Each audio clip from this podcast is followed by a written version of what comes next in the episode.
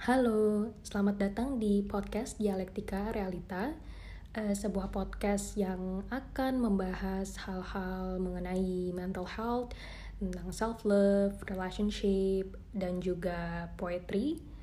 Lalu akan membahas juga tentang uh, social activism uh, yang menyangkut isu-isu sosial dan hak asasi manusia. Perkenalkan, saya Sarah, penulis di balik Dialektika Realita saya adalah seorang uh, pekarya multidisiplin. Jadi uh, di episode perkenalan ini saya akan berbagi sedikit background tentang saya dan dialektika realita.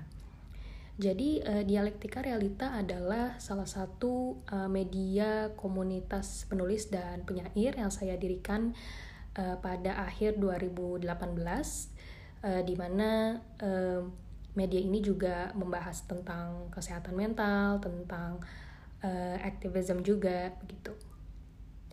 Uh, lalu ada beberapa media lagi yang saya jalani, salah satunya adalah Divine Journal uh, yang merupakan media komunitas uh, kreatif dan uh, pada Juni tahun ini baru saja melanjutkan uh, zin cetak pertama yang mengkurasi percakapan dengan aktor-aktor di skena kreatif dan memfitur beberapa karya teman-teman di skena kreatif juga.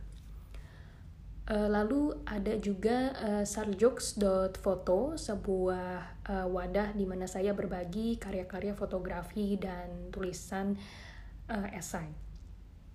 Uh, dan beberapa media yang baru saja diluncurkan pada tahun ini uh, adalah Define Thinking, sebuah media uh, pembelajaran komunitas tentang hidup berkelanjutan dan uh, keadilan untuk keberagaman alam dan lingkungan.